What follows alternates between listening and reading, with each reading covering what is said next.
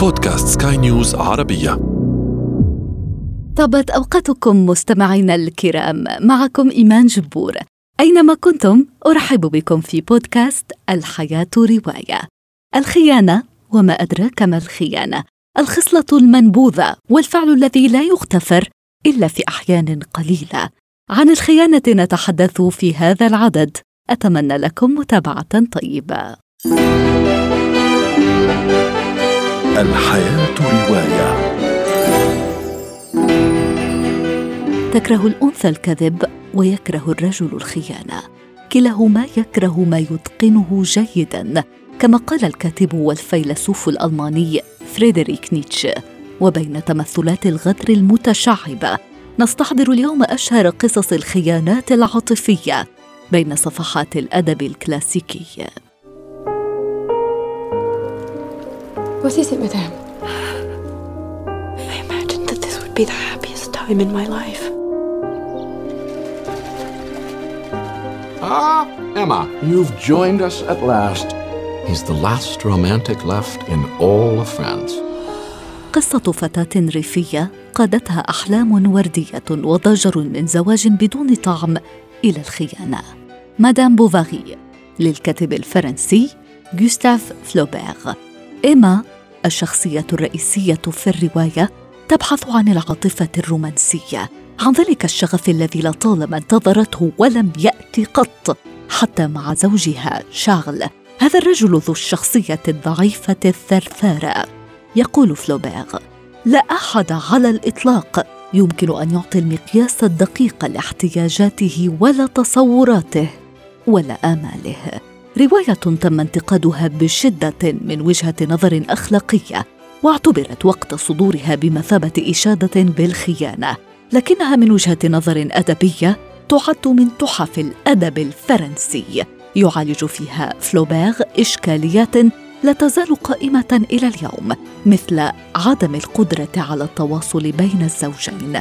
لكن ما يشد فعلا في هذه الرواية هي مسحة الإثارة التي يضفيها فلوبير من خلال إصراره على وصف كل تفاصيل المشاعر واللحظات التي تعيشها بطلته إيما والتي يقارن نفسه بها. في الواقع هو أيضا يعرف مرارة العيش في الملل ولا يطيقه. هو أيضا سيقضي حياته في البحث عن مصير استثنائي. ومن هنا جاءت عبارته الشهيرة Madame Bovary c'est moi مدام بوفاري هي أنا. Come back when you've succeeded with Madame de Tourvel. Yes. And I will offer you a reward. My love.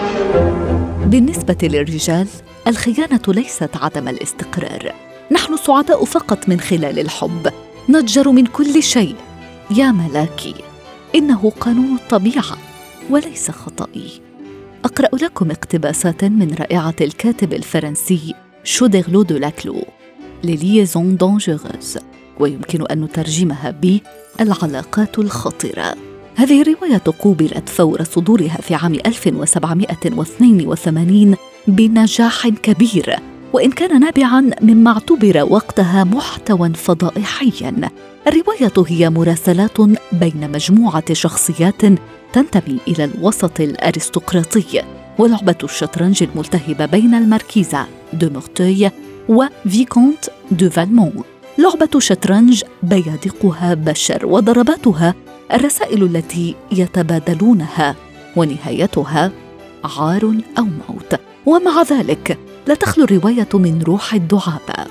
بعد مرور أكثر من قرنين على صدورها لا تزال العلاقات الخطرة من تمثلات الحياة المعاصرة محتفظة بمكانتها في طليعة تحف الأدب الفرنسي الكلاسيكي I, Constance Reed, take Clifford Chatley in sickness and in health.